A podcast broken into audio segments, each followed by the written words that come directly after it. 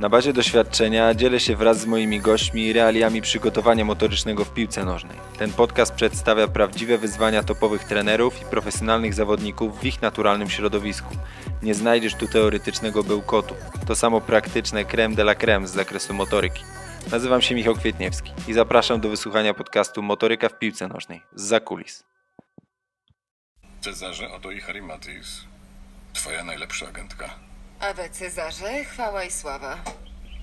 Harry Mattis to profesjonalistka, królowa kamuflażu. Pokaż. Jak patrzę tak, to mnie widać. Ale jak tak, to już nie. Widać mnie? Nie widać mnie. Widać mnie? Nie widać mnie. Nie widać? Widać. Super, nie. Nie widać?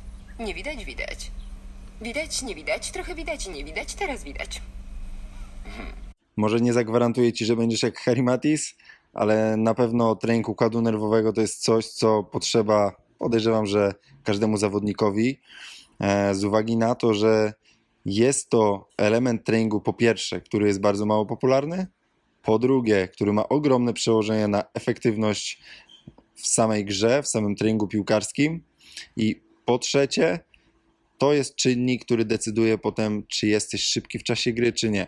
Dodatkowo w rozmowie z Sławkiem niejednokrotnie on to po, podkreśla, że poprzez bodźcowanie różnego rodzaju e, ćwiczenia czy zabiegi, takie już trochę bardziej manualne, jesteśmy w stanie oddziaływać w znaczący sposób chociażby na poziom siły naszych zawodników czy ich mobilność. Także sprawdź, to jest naprawdę ciekawa opcja. Widzimy się 26, e, 26 września w Warszawie, New Age Fitness. Mam nadzieję, że do zobaczenia. Siema.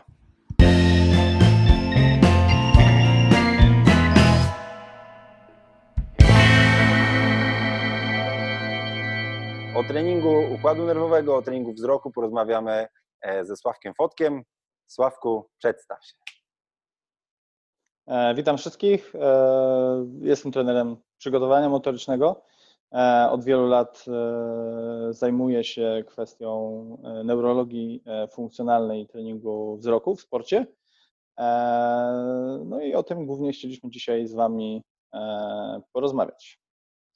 No właśnie, trening wzroku to mi, wiesz, jak ktoś, ktoś powie mi trening wzroku, mi od razu przychodzi, staje przed oczami metoda Live Kinetic. Nie wiem, czy tobie jest znana, na pewno wśród piłki, w piłce nożnej jest znana z uwagi na to, że korzystała z tego reprezentacja Niemiec e, w trakcie przygotowań, tam nie pamiętam, do Mistrzostw Świata, czy coś, to jest nieważne. W każdym razie, w każdym razie ja przed oczami mam to. Natomiast yy, pamiętam twoje szkolenie i pamiętam ocean wiedzy, który przekazałeś. E, I od razu mi się nasuwa pytanie, e, bo wiem, że ty najbardziej współpracujesz z tenisistami. E, I teraz, czy uważasz, że jest dużo rzeczy, które możemy robić zarówno z tenisistą, tych samych, nie? Z tenisistą, z piłkarzem, nie wiem, z zawodnikiem grapplingu, etc., wiesz, z różnymi dyscyplinami. Czy jest ten element wspólny według ciebie? E, Jak najbardziej, szczególnie patrząc na przykład na młodych zawodników, na nastoletnich zawodników, gdzie jeszcze są w etapie takiego ogólnego, ogólnej sprawności i e, gdzieś tam o czym, co- mówimy cały czas, żeby nie wchodzić w wczesną specjalizację. Jest to na przykład Live Kinetic jest bardzo dobrą formą na to, żeby rozwijać ich ogólną e, koordynację ruchową, e, od której bardzo jakby wzrok zależy, jeśli chodzi o taką dobrą e, na wysokim poziomie sprawność, którą, której byśmy oczekiwali od, od sportowca. Jeśli są na przykład jakieś problemy ze, ze wzrokiem, to bardzo mocno są tego typu koordynacje e, uwidocznione, uwidocznione ten problem z, z tego typu e, rzeczami. Jeśli mówimy o starszych e, zawodnikach, e, to tutaj jakby nie ma, nie ma za wiele znaczenia ze względu na to, że no ciało jest jedno, układ nerwowy jest jeden, zasady są e, te same e, i tutaj nie zmieniamy specyfiki e, dyscypliny, w której się poruszamy, tylko raczej staramy się dołożyć następne cegiełki po to, żeby poprawić jakość tego treningu, jak i e, poprawić te słabe ogniwa.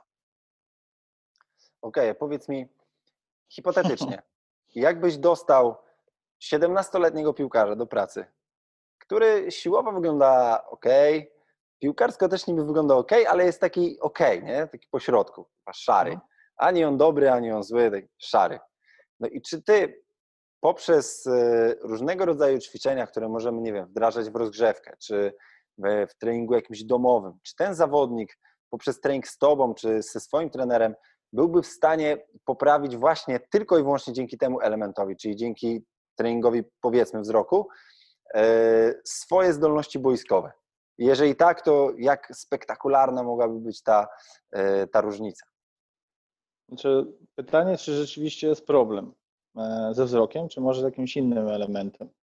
E, Ze względu na to, że nasze ciało pracuje na zasadzie odbierania informacji sensorycznych, na tej podstawie mózgu, nazwijmy, są przetwarzane informacje, no i jest wykonywane jakieś działanie. E, Czy to będzie w treningu siłowym, czy to będzie na boisku, wszystko się odbywa mniej więcej na tej, e, na tej samej zasadzie. E, I teraz kwestia zdiagnozowania, gdzie jest problem. Jeśli jest to problem rzeczywiście w samym systemie wzrokowym, to w dużej mierze jesteśmy w stanie poprawić całą, poprawić jego, jego rozwój sportowca, jako sportowca, dobierając odpowiednie, e, odpowiednie narzędzia do tego, co on potrzebuje. To też nie jest tak, że to jest, nie wiem, magiczna pigułka, Nie, no jasne, e, jasne. której wszyscy szukamy chyba, często, mam wrażenie. E, To jest też proces treningowy.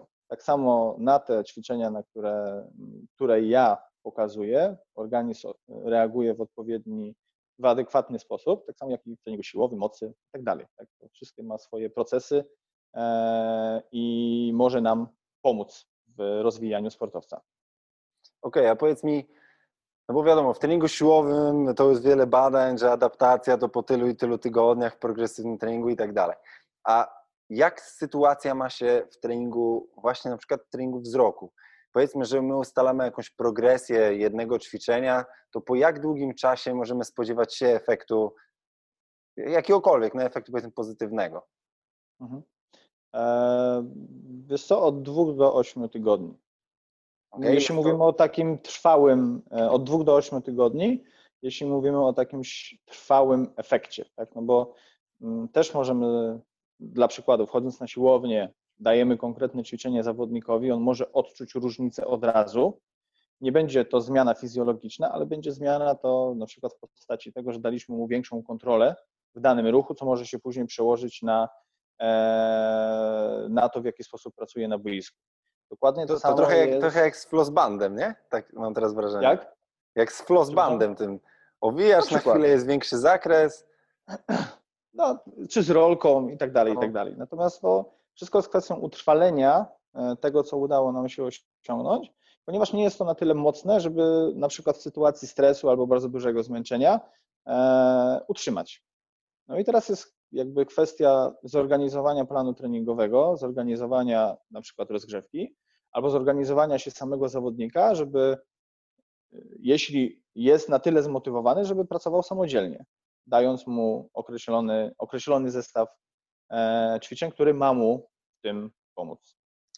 Okej, a jeżeli mówimy o zestawie ćwiczeń, to powiedzmy, że wiesz, no rozgrzewka, ramp, ja- jaka tam, obojętnie jaka, powiedzmy trwa Mhm. 15 minut, nie? To jak duży, jak dużą objętość powinniśmy przeznaczyć właśnie na ćwiczenia treningu wzroku i czy one powiedzmy na początku dobrze, żeby były, nie wiem, izolowane, a z biegiem czasu mogą być łączone w formy piłkarskie? No, w momencie, kiedy zacząłem pracować ze, ze wzrokiem, e, była sytuacja, ucząc się tego, e, optometryści, z którymi współpracowałem, e, którzy mnie troszeczkę jakby wprowadzali w, w, ten, w ten świat, e, bo byli na tyle otwarci, że, że jakby nie, e, że dali mi tą możliwość, żeby się uczyć od nich. E, Patrząc na to, nauczyłem się, że możemy bardzo szybko przebodźcować daną osobę.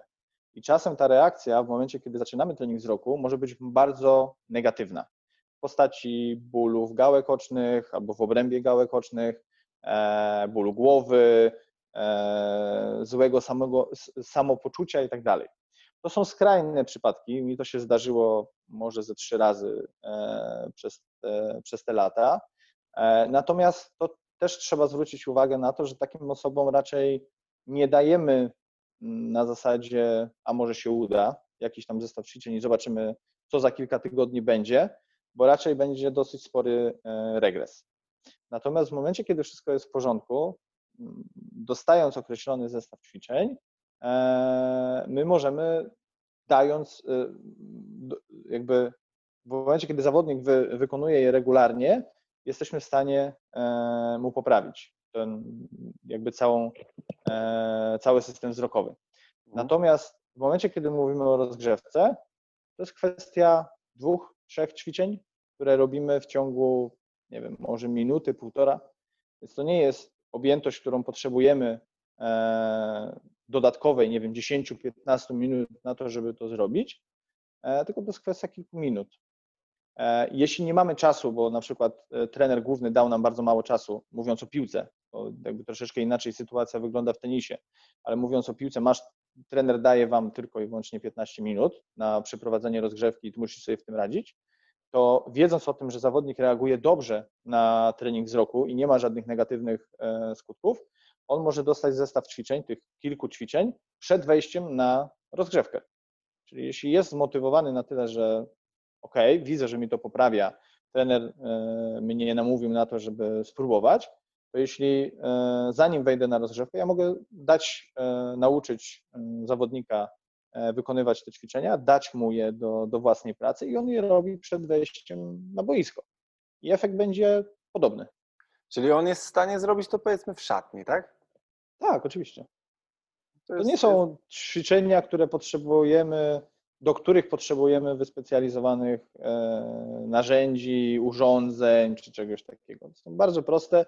Potrzebujemy palcy najczęściej e, jako punktu odniesienia i nic więcej.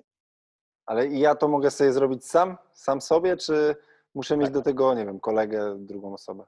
Nie, możesz to robić samodzielnie, możesz to robić z kolegą, można to, tak jak uczę na, e, na szkoleniu, zorganizować pracę drużyny, żeby sobie pomagać nawzajem i żeby e, ten proces e, zdecydowanie na przykład przyspieszyć.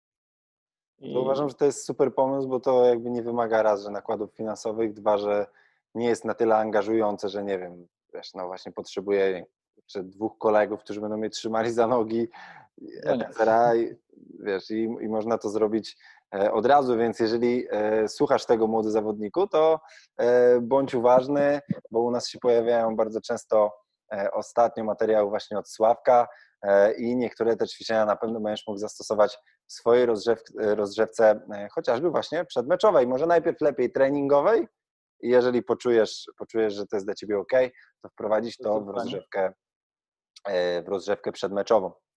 E, Sławku, powiedz mi, e, czy bardzo mocno się różnią środki, które możemy implikować w, takim podejściu indywidualnym, niezależnie jaki to jest zawodnik, kontra podejście drużynowe?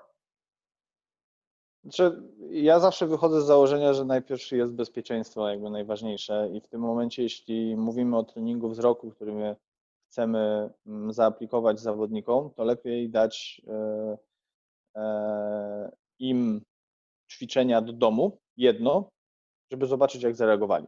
I żeby dostać informację, feedback od nich, jaka jest e, ich reakcja na, na to ćwiczenie. Jeśli mamy trening siłowy, to również na przykład będąc na, na boisku, jeśli mamy troszeczkę wolnego czasu albo jesteśmy po treningu, sprawdzić w jaki sposób każdy z zawodników reaguje i kto zgłasza na przykład y, jakieś niepokojące objawy, to w tym momencie jakby e, jeśli nie mamy wiedzy w jaki sposób to korygować i jak do tego podchodzić, to lepiej to zostawić. To jakby z mojego doświadczenia e, tak to, tak to wygląda, bo jest to bardzo duża e, bardzo mocne bodźce dla układu nerwowego, wbrew pozorom. Okej, czyli do tego trzeba podchodzić bardzo ostrożnie w takim wypadku, nie? Znaczy, lepiej ostrożniej niż zbyt dużą taką e, wolnością i na zasadzie to na pewno pomoże. No, nigdy nic nie jest na pewno.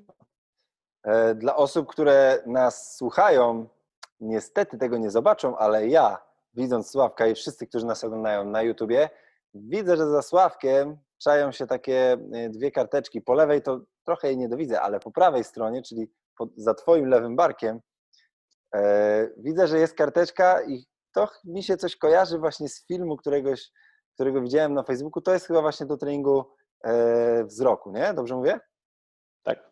Te kropeczki. To możesz mi powiedzieć, bo znaczy, ja widziałem jak, jak szkolisz, więc widziałem kilka tych ciekawych e, rzeczy, na przykład te piłeczki z numerkami. Co byłoby według Ciebie takim, takim wiesz, podstawowym narzędziem, które dobrze by było wprowadzić właśnie w trening wzroku? No oprócz palców, nie? O tym już mówiliśmy, to, to każdy ma. A co byłoby takim fajnym urozmaiceniem? E, Ja bardzo często używam e, tej piłeczki, o której ty mówiłeś, z literkami, ze względu na to, że to jest e, coś, co łatwo schować i raz, że w fajny sposób może urozmaicić trening, to też jakby dużo mówimy o tym, w jaki sposób można ją wykorzystać do treningu decyzyjności, do czasu reakcji, ale też do treningu wzroku, ze względu na to, że osoba, która e, ma złapać tą piłeczkę, ma też powiedzieć literę, którą widzi, więc tutaj mamy czysto e, trening e, wzroku już ukierunkowany na warunki sportowe, tak? czyli obserwację przedmiotu, który się porusza i ze względu na to, że musimy powiedzieć tą literę, to dosyć duży czas musimy spędzić w skupieniu, w fiksacji na tym przedmiocie. Więc to nam też daje taką e, fajną możliwość na to, żeby w warunkach dynamicznych e, uczyć zawodnika fiksacji na e, poruszającym się przedmiocie.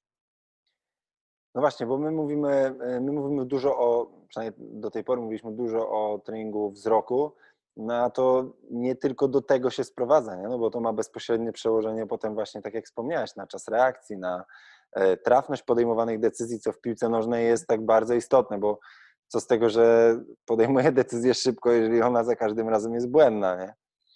E, Więc powiedz mi, jakie takie bezpośrednie korzyści tego typu trening, czy tego typu podejście niesie y, dla zawodnika, nie? w kontekście zawodnika? Co on może osiągnąć wprowadzając tego typu działania?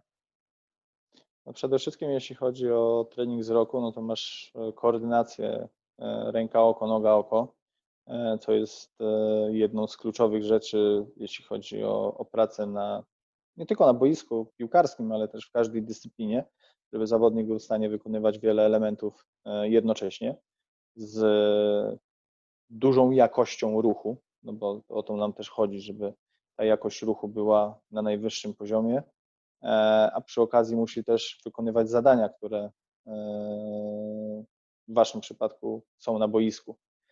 E, Wbrew pozorom, e, znaczy wbrew pozorom, wzrok też ma wpływ na naszą e, równowagę, na to, jak jesteśmy stabilni w trakcie biegu, w trakcie zmian kierunku, ale też jak nasze ciało poprzez na przykład mm, walkę jeden na jeden na boisku, jak nasze ciało będzie reagowało. To bardzo dużo zależy od wzroku.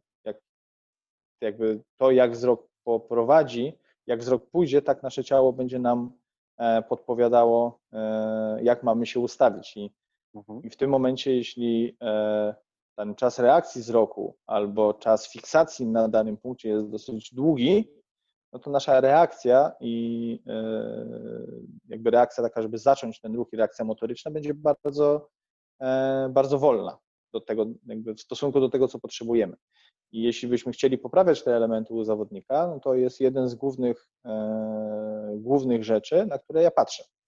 W ogóle jakby cała moja historia z, mm, z skupieniem swojej uwagi na, na wzroku, to był moment, kiedy pracowaliśmy z zawodnikiem i wszystkie metody, które na tamten moment znałem, poprawy mocy, e, jakość ruchu, czas reakcji i tak dalej, nie skutkowały.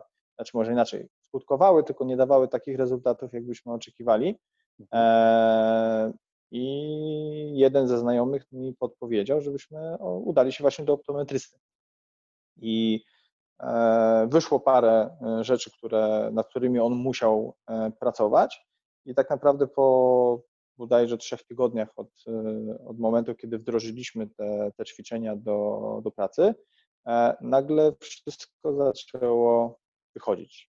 I to mi dało taki bodziec e, do tego, żeby rzeczywiście może spojrzeć nie tylko pod kątem fizycznym wykonywania ćwiczeń i tak dalej, tylko do tego, od czego tak naprawdę zależy ten nasz czas reakcji, e, jakość ruchu. e, No i okazało się, że jednak wzrok ma w tym ogromny udział. I co, u tego zawodnika ten proces trwał trzy tygodnie? Po trzech tygodniach widzieliśmy takie znaczące zmiany. Oczywiście my tam później to utrwaliliśmy. E, Ten zawodnik nie był na mm, poziomie światowym, co prawda, tylko naszym, naszym krajowym no, dosyć wysokim poziomie. Natomiast e, najważniejsze było dla mnie to, że wprowadzenie jednego elementu miało wpływ na poprawę e, nie tylko czasu reakcji, ale też generalnie jakby jakości jego, e, jego ruchu. No i dla mnie to był taki najważniejszy i najmocniejszy bodziec, że okej, dobra, coś jeszcze jest oprócz tego, co my wykonujemy jako trenerzy przygotowania motorycznego, e, co jest bardzo ważnym elementem, e, aby poprawić e, rozwój, rozwój zawodnika i możliwości zawodnika. Wiesz co, czemu pytam, czemu pytam o ten okres adaptacji? Bo okres przygotowawczy w piłce nożnej, szczególnie na tym poziomie wysokim, to, to są tygodnie, krótkie cykle typu trzy tygodnie okresu przygotowawczego, cztery albo wiesz, no, tego typu rzeczy i zawsze się zastanawiamy, W, ten, w tenisie nie jest lepiej. tak? No właśnie, więc zawsze jest krótki czas, my chcemy zrobić jak najwięcej. Y, Często albo gdzieś tam wchodzimy i nie wiem, są trochę zmęczeni na początku, a ten system, który ty proponujesz, czyli te rzeczy y, do, do pracy, nad którymi ty pracujesz, wymagają relatywnie, widzę, krótkiego czasu tak naprawdę i już możemy jakichś tam pierwszych efektów się spodziewać. Dobrze Jeśli, mówię, będą, czy- jeśli czy mówimy tutaj o treningu z roku i rzeczywiście zawodnik będzie tego potrzebował, bo będzie mm, jakby ta część e, jego ciała e, tym słabym ogniwem, e, to tak, dosyć szybko możemy Dobra, a czy my w takim razie jesteśmy w stanie to stwierdzić tylko i wyłącznie po wizycie u optometrysty, czy w jakiś sposób jeszcze? Znaczy, ja mam baterię testów, z których ja, e, ja korzystam, ponieważ e, jakby neurologia funkcjonalna nie polega tylko i wyłącznie na tym, żeby usprawniać sam system wzrokowy, ale uczy też, na co system wzrokowy ma wpływ. Więc e, to praca optometrysty to jest jedna kwestia, to co ja robię to jest troszeczkę coś, coś innego. Natomiast sama wizyta u optometrysty, jeśli ktoś E, jeśli ktoś e, myśli o sporcie poważnie, powinna być. Zresztą z tego co wiem, to Możemy, możemy, e, możemy złożyć taki, taki apel do osób, które ustalają badania przed ligą, że oprócz EKG wzrostu i jakichś tam podstaw, może być badanie u optometrysty. To bardziej u optometrysty niż, nie pamiętam jak ta maszyna się ze światełkami nazywa, nie mówię o Fitlightie, Blik, tylko mówię o takiej dużej e, konstrukcji. To, to blink, jest tam blik, coś takiego. Jakoś tak. Natomiast to jest jedna z możliwości e, testowania czasu reakcji, natomiast e, nie pokazuje nam funkcjonowania rzeczywiście wzroku, ponieważ my się adaptujemy. Nasz wzrok pracuje w jakiś określony sposób. E, Tak, generalnie jakby w- momencie, kiedy mówimy o testowaniu sportowców, to jednym z e, dla mnie punktów obowiązkowych to powinna być wizyta u optometrysty. Natomiast w momencie, kiedy e, no, jedną z takich rzeczy, którą często gdzieś tam słyszałem, że robią, no to jest właśnie ta maszyna ze światełkami. E, Z tego co mówisz, to jest blik, czy jak to tam się nazywa? Nieistotne. Blink, bo blik to chyba Blink. płatność bez... A, okej, dobra. Nieistotne. E, wiemy o co, o co chodzi, natomiast to nie jest maszyna, która pokazuje nam, jak funkcjonuje rzeczywiście wzrok. E, więc albo robiąc testy u optometrysty, który ma dosyć sporą, sporą ilość narzędzi do tego, żeby sprawdzić wszystkie funkcje wzroku i na tej podstawie na przykład zacząć pracować z optometrystą. E, ja też mam swoją bazę e, testów, z których e, korzystam, e, natomiast też korzystam z e, wizyty optometrysty, żeby zbadać. Tak samo jak moje dzieci e, też były u optometrysty, żeby zobaczyć, e, w jaki sposób to wszystko funkcjonuje, e, bo już na tyle mieli rozwinięty układ wzroku, że można było to, to sprawdzić i zobaczyć, e, gdzie są błędy. A to od jakiego wieku byś to rekomendował? Co, mój e, syn jeden miał 6 lat, drugi miał 8 lat, jak byli u, u optometrysty.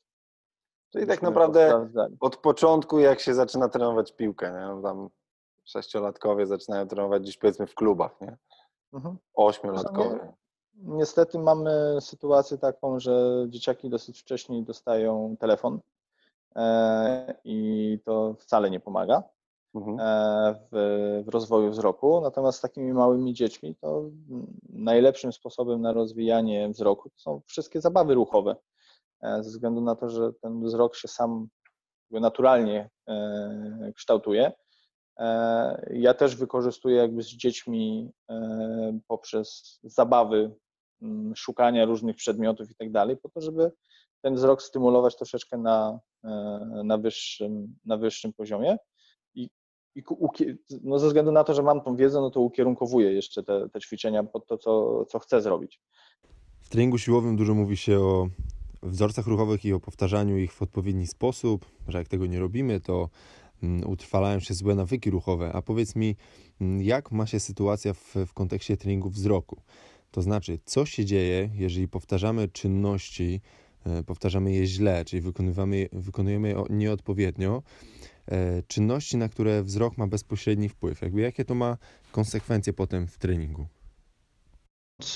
Pod kątem tego, czy jakość wzroku, widzenia jest e, ważna, możemy spojrzeć, patrząc bardzo często na dzieci, które e, czytają, próbują czytać, ale im nie wychodzi, e, więc się zniechęcają do, e, do nauki czytania i poprawiając, najczęściej jest to przyczyna, e, przyczyną jest właśnie źle funkcjonujący, funkcjonujący wzrok. W momencie, kiedy poprawiamy e, funkcję wzroku, nagle staje się to przyjemniejsze, nie kosztuje aż tyle energii i zaczyna nam wychodzić. To samo jest z e, dziećmi w sporcie. W momencie, kiedy mamy problemy ze wzrokiem, będziemy mieli gorszą koordynację e, ręka, oko, noga, oko. Więc e, w tym momencie dziecko nie będzie miało aż tak dużej motywacji do tego, żeby się, co, żeby się poprawiać, ponieważ sama nauka motoryczna będzie mu sprawiała bardzo dużo problemów. Więc ważne jest to, żeby e, akurat w przypadku wzroku było to na e, normalnym poziomie, ze względu na to, żeby dzieci się, na przykład dzieci nie zniechęcały się, a już starsi zawodnicy mogli wyciągnąć e, swój potencjał na wyższy, na wyższy level. Oczywiście wzrok ma też wpływ na postawę, e, na to jak e, postrzegamy nasze ciało w przestrzeni, więc patrząc e, generalnie nie tylko na sport, ale na nasze funkcjonowanie w ciągu dnia, pełni dość e, istotną rolę e, do tego, żeby e, podnosić naszą jakość życia, ale też jakość wykonywanego sportu. Oczywiście takie rzeczy jak czas reakcji, obserwacja pola, pola gry, szybka fiksacja na poruszającym się przedmiocie czy, czy osobie ma często decydujące znaczenie o tym, czy na przykład bramkarz puści piłkę, czy, czy nie, bądź e, napastnik dobrze e, oceni odległość i prędkość, e, z którą porusza się piłka, po to, żeby oddać celny strzał. Kolejna ważna rzecz, która na pewno będzie interesowała naszych słuchaczy, szczególnie tych początkujących, czyli od czego powinien zacząć trener, czy to przygotowania motorycznego, czy piłki nożnej, e, który chce wprowadzać elementy treningu wzroku czy układu nerwowego e, w swojej drużynie lub z zawodnikami pracując indywidualnie. Jakie są Twoje rekomendacje? by wdrożyć e, treningi związane z neurologią funkcjonalną bądź trening wzroku e, do swojej drużyny czy e, do treningów indywidualnych, przede wszystkim powinien zapoznać się e, z koncepcją pracy, czyli e, nie tylko jak pracować, ale przede wszystkim z mojego punktu widzenia, jakie mogą być zagrożenia i w momencie, kiedy wprowadzamy tego typu trening, na co możemy się, czego możemy się spodziewać, kiedy mm, idzie coś źle. E, Ze względu na to, że przebodźcować układ nerwowy jest łatwo, więc e, są pewnego rodzaju sygnały. E, i Jeśli wiemy, jak na nie patrzeć i e, jak je wyłapywać, jesteśmy w stanie na przykład taką osobę, zawodnika wycofać z tego typu treningu, żeby najzwyczajniej w świecie nie przebodźcowywać go, ponieważ bodźce, które mu fundujemy, są po prostu dla niego zbyt wymagające, co raczej doprowadzi do regresu niż jakiegokolwiek postępu. Natomiast poznając całą koncepcję pracy e, w neurologii, e, możemy bardzo fajnie i sprawnie zaadaptować e, tą koncepcję do rozgrzewek, do treningu siłowego, czy, czy, czy dać zawodnikowi pewne ćwiczenia do samodzielnej, do samodzielnej pracy. Nawet jeśli nie mamy czasu w rozgrzewce danego przez e, głównego trenera, tylko mamy gdzieś mocno ograniczony ten czas, dając i ucząc zawodników, w jaki sposób mają wykonywać ćwiczenia, są to proste ćwiczenia, e, nie wymagają e, skomplikowanych mm, ruchów i złożonych.